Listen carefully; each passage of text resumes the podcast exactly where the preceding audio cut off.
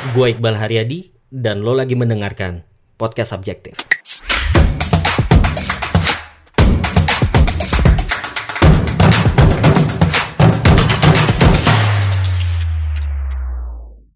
Episode ini merupakan bagian dari rekaman webinar Personal Branding for Early Career Professionals di Sabtu 17 April 2021. Dari total durasi 2 jam, gue akan bagi jadi 4 episode terpisah sehingga lebih mudah buat lo dengerin. 1. Perubahan tren dunia kerja dan kenapa personal branding penting yang dibawakan oleh gue. Kedua, membangun image profesional lewat LinkedIn yang dibawakan Fadel Muhammad, Product Manager Flip.id. Ketiga, membangun personal brand di Instagram dan TikTok yang dibawakan Alia Nur, founder Career Class dan praktisi HR. Dan keempat, Q&A session tentang personal branding bersama para peserta. Pastikan lo dengarkan semua episodenya di podcast Subjektif. Halo, selamat pagi teman-teman semuanya. Assalamualaikum warahmatullahi wabarakatuh. Terima kasih sudah meluangkan waktu Sabtu paginya. Um, dan mungkin disclaimer sebelum yang agak serius ya ya ini gue uh, ruangan gue tuh di samping jendela terus di samping tuh ada tetangga lagi bikin ini ya bikin lemari jadi mungkin ada background background lemari dikit ya tapi mudah-mudahan sih nggak terlalu mengganggu karena gue pakai mic jadi ya gue agak deketin aja suara gue mungkin akan lebih jelas ya so um, thank you so much waktunya jadi uh, hopefully hari ini kita bisa lebih banyak diskusi sebenarnya tentu di sini gue uh, seperti yang sudah kita publish ya uh, di sini ada dua pembicara gue nanti sebagai moderator dan sebagai Kickstarter diskusi. Ada Fadel Muhammad, uh, product manager di flip.id. Gue yakin teman-teman banyak juga yang pakai flip. Uh, dan mungkin udah familiar juga dan Flip juga uh, kemarin gue ngobrol sama foundernya juga di salah satu seri podcastnya uh, Ari. Dan juga ada Alianur. Uh, Alianur ini praktisi HR dan sekarang lagi keliling Indonesia. Dan mungkin nanti akan cerita-cerita juga ya uh, cerita keliling Indonesianya dan apa yang bisa yang berhubungan dengan personal branding. Nanti akan banyak diceritain lah mungkin sama Alia dan Fadel ya. Uh, dan hopefully tentu gue akan share sesuatu, nanti Fadel juga akan sharing, Alia akan sharing, tapi mudah-mudahan kita lebih punya banyak waktu untuk diskusi. teman teman-teman punya pertanyaan apa yang spesifik untuk teman-teman bisa membangun personal brandingnya masing-masing, nah kita akan lebih banyak ke sana. Nah gue mungkin akan, supaya lebih terstruktur, gue akan langsung share ya slide gue, uh, kita mulai ya. Jadi um, yang hari ini judulnya adalah personal branding for early careers for, for early career professionals. Dan um, gue yakin teman-teman pasti ke sini pagi-pagi hari Sabtu tertarik gitu ya. Entah teman-teman masih mahasiswa atau early uh, career baru masuk di dunia kerja gitu ya. Atau bahkan fresh grad mungkin masih cari kerja juga. Penasaran kan? Kira-kira gimana sih cara menggunakan social media buat bangun credibility atau bangun reputasi di dunia karir dan akhirnya bisa membangun karirnya dari situ gitu. Nah ini yang akan kita bahas gitu ya. Uh, kurang lebih yang akan kita bahas ada enam poin ini. Gu dari gua akan sharing uh, tiga hal yang pertama. Jadi gua akan share singkat tentang kolaborasi uh, podcast series Green Jobs ini bersama dengan CoAction. Terus gua akan share sedikit tentang uh, tren perubahan uh, yang sangat cepat di dunia kerja gitu ya supaya teman-teman mungkin agak bisa uh, shock terapi lah gitu ya. Ini apa nih yang terjadi di dunia kerja? Kenapa kita harus catch up? Dan kenapa personal branding penting? Nah nanti dari situ akan kickstarting diskusinya dilanjut oleh Fadel. Mungkin cerita lebih banyak tentang LinkedIn buat bangun image profesional sama Alia akan lanjut untuk bangun profil Instagram dan TikTok gitu ya. Abis itu kita bisa diskusi.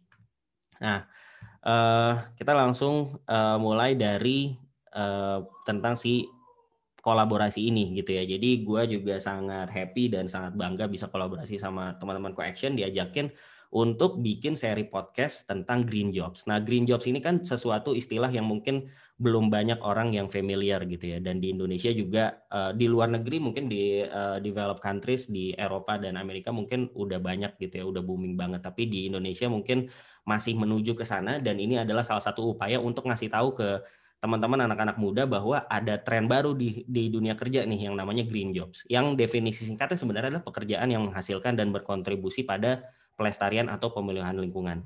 Ketika kita ngomongin green jobs, green jobs mungkin teman-teman langsung terbayang kerjaan-kerjaan yang oh mungkin harus di hutan, mungkin harus bertani, harus di lab dan lain-lain gitu ya. Padahal uh, green jobs atau definisi berkontribusi pada pelestarian atau pemulihan lingkungan itu tidak hanya kerjaan-kerjaan yang emang di sektor hijau, literally di sektor hijau gitu ya. Tapi sebenarnya bisa kerjaan apa pun selama dia punya unsur kontribusi pelestarian pada pelestarian atau pemulihan lingkungan. Makanya nanti teman-teman kalau ada yang belum dengar, nanti bisa cek di podcast subjektif sudah ada 9 episode gitu ya. Sudah ada 9 episode tentang green jobs. Episode pertama kita bahas tentang uh, future of jobs, gimana sih uh, masa depan dunia kerja tuh seperti apa dan kita bagaimana cara beradaptasinya. Kemudian episode kedua kita ngomongin tentang uh, pertanian, bekerja di bidang pertanian sama RD. Terus uh, tentang Flip, flip.id, uh, kenapa dia juga masuk ke Green Jobs karena mungkin dua dua faktor di antaranya karena satu mereka kerja remote sehingga uh, full remote company, jadi bisa mengurangi emisi dan lain-lain. Sama yang kedua mereka mengedepankan uh, fair trade yang juga salah satu unsur dari green jobs. Kemudian kita ngomongin tentang ekon, uh, energi terbarukan sama Nindita Sekar, terus uh, dongeng juga sebagai salah satu cara edukasi uh, apa cara edukasi tentang isu lingkungan. Kemudian kita ngobrol sama Ivan Nasyara dari e-fishery, uh, salah satu inovasi yang bantu uh, pembudidaya ikan.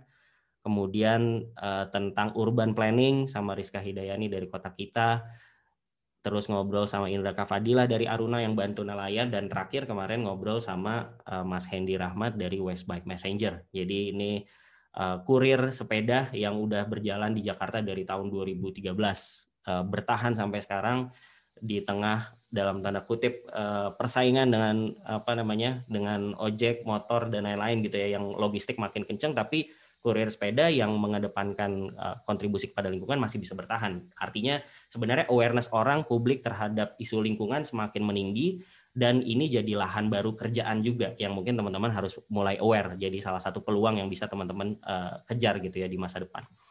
Nah, kita masuk berikutnya untuk kickstart diskusi tentang perubahan cepat di dunia kerja. Apa sih yang terjadi di dunia kerja? Apa perubahan-perubahan yang mungkin kita perlu tahu sehingga kita bisa mulai beradaptasi? Uh, sebenarnya salah satu ada banyak, tapi mungkin kita salah satu yang bisa kita lihat, kita bisa lihat dari tren global di World Economic Forum report uh, yang dibikin tahun 2020 ya, yang waktu itu gua kutip tentang perubahan pada jenis pekerjaan. Ini detailnya teman-teman bisa dengerin di uh, episode yang pertama untuk seri Green Jobs ini, tapi gua kutip salah satunya di sini. Nah, salah satunya yang dia tulis adalah tentang jenis 20 pekerjaan yang uh, apa yang demandnya paling yang terus meningkat sama 20 pekerjaan teratas yang demandnya terus menurun. Ini tren global ya, bukan ngomongin Indonesia, ini tren global. Dan teman-teman bisa lihat di sini listnya apa sih pekerjaan-pekerjaan yang paling yang makin banyak uh, permintaannya dan apa pekerjaan-pekerjaan yang justru semakin tidak ada yang minta gitu. Artinya pekerjaan-pekerjaan yang kemungkinan akan punah. Yang kalau di uh, di summarize sebenarnya jadi kayak gini pekerjaan-pekerjaan yang demand-nya terus menurun itu secara umum dua. Satu pekerjaan yang udah nggak relevan metodenya, kayak door to door sales itu kan udah nggak relevan sekarang karena orang lebih banyak menggunakan digital. Sama yang kedua pekerjaan-pekerjaan yang clerical atau administratif.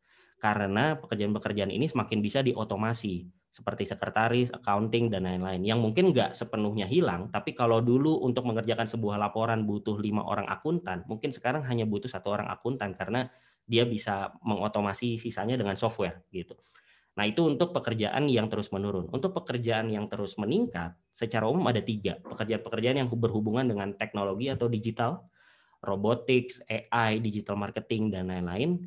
Yang kedua, pekerjaan yang berhubungan dengan data dan informasi, data scientist, database professional, information analyst.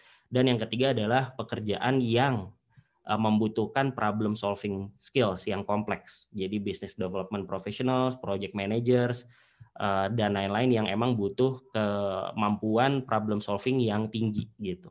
Nah ini jenis-jenis uh, trennya kurang lebih seperti ini teman-teman. Tentu yang di highlight bukan bukan title IoT, robotics dan lain-lain ya. Bukan berarti pekerjaan hanya itu aja nih, bukan. Tapi teman-teman harus melihat bahwa trennya memperlihatkan bahwa kalau kita mau punya banyak, kalau kita mau mendapatkan banyak peluang di dunia kerja, kita harus uh, ngeh dengan tech dan digital, kita harus melek data dan informasi, dan kita harus punya problem solving skills. Apa pun bidangnya, pasti orang yang punya uh, tiga hal ini akan semakin uh, maju atau memiliki peluang yang lebih besar dibandingkan dengan orang yang tidak, gitu. Nah, sehingga kita perlu beradaptasi. Karena apa pun pekerjaan yang kita pilih, teman-teman pasti pekerjaannya bidangnya juga berbeda-beda. Mungkin ada yang bekerja beneran di bidang digital, startup dan lain-lain. Ada juga yang mungkin bekerjanya di bidang uh, pertanian, di bidang logistik, apa pun itu. Tapi intinya kita perlu punya unique value. Karena uh, persaingan semakin uh, ketat gitu ya, terus demand-nya juga semakin spesifik. Kalau misalnya kita nggak bisa catch up, kita nggak punya unique value, maka kita jadinya uh, mungkin seperti orang-orang yang ngerasa, aduh susah banget ya nyari kerja gitu. Padahal sebenarnya bukan kalau menurut gua bukan susah nyari kerja, demand-nya ada banyak, tapi ada demand pekerjaan yang orang-orang nggak punya skillnya atau kita belum punya skillnya sehingga kalau kita mau dapat peluang itu kita harus punya skillnya kita harus bisa catch up. Nah salah satunya yang bisa membantu adalah dengan personal branding. Nah ini yang kita pengen uh, diskusikan hari ini gitu ya. Kalau kita punya personal branding, maka kita punya kesempatan lebih besar. Kita punya unique value yang berbeda dibandingkan dengan orang-orang lain sehingga kesempatan kita mendapatkan peluang kerja apa pun bidang yang kita pilih akan lebih besar. Nah, kita masuk ke kenapa personal branding itu penting. Jadi mungkin gue berangkat singkatnya dari pengalaman gue ya. Gue melakukan personal branding tuh dari 2010 dari awal gue kuliah uh, bahkan gue gabung di kerjaan gue sekarang yang sampai saat ini di kita bisa itu karena personal branding juga. Um, jadi mungkin buat teman-teman yang belum tahu sebagai background gue gabung gue setelah bahkan sebelum lulus jadi di tahun terakhir gue gue udah gabung di kita bisa. Kita bisa waktu itu kita baru banget mulai. Gue orang keempat sekarang kita udah empat ratusan orang. Uh, jalan 6, 6, 6 sampai 7 tahun gitu ya. Dan gue dapat pekerjaan itu gue nggak pernah ngelamar eh, gue dapat pekerjaan itu karena gue melakukan personal branding. Gue bikin konten di uh, social media di website gue dan akhirnya dari situ kita ketemu tuh. Gue ketemu sama foundernya sama Timi sama Fikra dan lain-lain. Um, jadi gue yang mau gue share sebenarnya dari pengalaman gue singkatnya uh, gue mulai dari sini. Apa sih yang gue dapetin dari personal branding gitu ya? Ada empat poin sebenarnya. Satu peluang karir. Kedua uang penghasilan gitu ya. Ketiga network jaringan yang baru. Nah keempat hati yang penuh. Nah gue mau, mau mulai dari hati yang penuh dulu. Apa sih yang gue maksud dengan hati yang penuh? Ketika gue melakukan personal branding, gue mendapatkan hati yang penuh. Salah satunya yang seperti ini nih yang bikin hati penuh. Jadi DM DM pesan-pesan orang-orang yang bilang misalnya, Hai Iqbal, semoga kabar baik. I just wanted to I just wanted to say thank you for sharing many articles on personal development. Uh, dia bilang ya pokoknya dia baru pindah kerja, gue pernah nulis tentang tips networking dan yang ngerasa itu bermanfaat dan orang ini kerjanya di Singapura gitu. Uh, dia tanpa kita harus ketemu dia ngerasa dia ngerasa bermanfaat karena gue nge-share sesuatu karena personal branding yang gue lakukan dan itu akhirnya bikin kita jadi terkoneksi dan ada peluang pekerjaan juga dari sana gitu.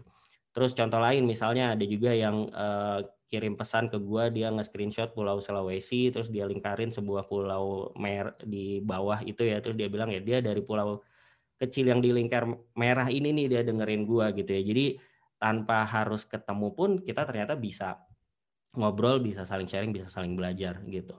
Nah, masuk ke jadi apa sebenarnya personal brand itu? Gampangnya kalau kita mau tahu atau teman-teman mau tahu apa personal brand teman-teman, coba tanyain ke diri sendiri, nama lu siapa, uh, terus tanya yang mana. Jadi misalnya Iqbal nih, Iqbal, Iqbal yang mana? Nah, jawabannya apa tuh kira-kira? Jawabannya itu adalah personal brand lu saat ini jawabannya tentu bisa macam-macam kan. Uh, bisa karena fisik, misalnya oh Iqbal yang kribo itu, oh Iqbal yang pendek, oh Iqbal yang tinggi, yang jangkung dan lain-lain. Atau bisa juga karena skill. Oh Iqbal yang jago desain tuh, oh Iqbal yang uh, apa namanya yang jago jualan yang jago jualan online gitu. Atau bisa juga karena title atau atribut. Um, oh Iqbal anak kita bisa, Iqbal anak Gojek atau apa pun lah teman-teman punya atribut itu. Nah, teman-teman uh, silahkan ditanyakan ke diri sendiri sekarang jawabannya apa? Karena personal brand jawabannya itu adalah personal brand teman-teman saat ini dan intinya personal brand adalah apa yang orang ingat dari lu. Ketika disebut nama lu apa yang mereka ingat dari nama lu itu. Kalau di karir ini yang disebut dengan reputasi. Nah pertanyaan berikutnya kan sebenarnya apakah reputasi yang lu punya saat ini apakah personal brand yang lu punya saat ini itu sesuai keinginan lu atau enggak? Gitu karena bisa jadi tidak sesuai keinginan lo lo dipanggil Iqbal Ambon misalnya. Kan kita pasti punya teman ya yang dipanggilnya Ambon gitu ya atau Iqbal Jawa atau apalah gitu ya. Uh, apakah itu sesuai dengan keinginan lo? Kalau kalau iya ya bagus nggak apa-apa lanjutin. Berarti tinggal diperkuat gitu ya. Tapi kalau misalnya tidak sesuai berarti harus ada yang diubah. Karena otherwise nanti akan merugikan lo. Misalnya di kerjaan lo masih uh, diingatnya sebagai Iqbal tukang mabok gitu misalnya contoh ya misalnya lo pas kuliah tukang mabok misalnya terus sampai dunia kerja di, di tengah oh Iqbal mabok gitu misalnya Nah, itu kan sangat mengganggu dari sisi karir gitu ya. Nah, kalau misalnya tidak sesuai berarti harus ada yang diubah dan personal branding adalah aktivitasnya, caranya. Jadi untuk membangun reputasi kita melakukan personal branding. Yang singkatnya kalau definisi versi gue adalah aktivitas memberitahu orang siapa kita untuk membuka peluang yang kita inginkan. Jadi eh, ada tiga kunci sebenarnya kan. Kita ngasih tahu orang ini aktivitasnya, siapa kita itu objeknya yang kita kasih tahu kita share siapa sih diri kita apa sih yang kita pikirkan apa yang kita suka apa yang kita nggak suka dan lain-lain dan apa peluang yang uh, dan peluang yang kita inginkan itu adalah results ya atau goalnya yang yang setelah kita melakukan itu kita akan dapat peluang gitu ya. Nah kalau misalnya dibikin uh, dibikin singkat reverse engineeringnya dari ujungnya kita pengen dapat peluang karir dan apa yang dilakukan dan personal branding sebenarnya gue uh, apa namanya punya formula kayak gini nih. Peluang karir tuh dapatnya dari mana? Karena kita punya reputasi.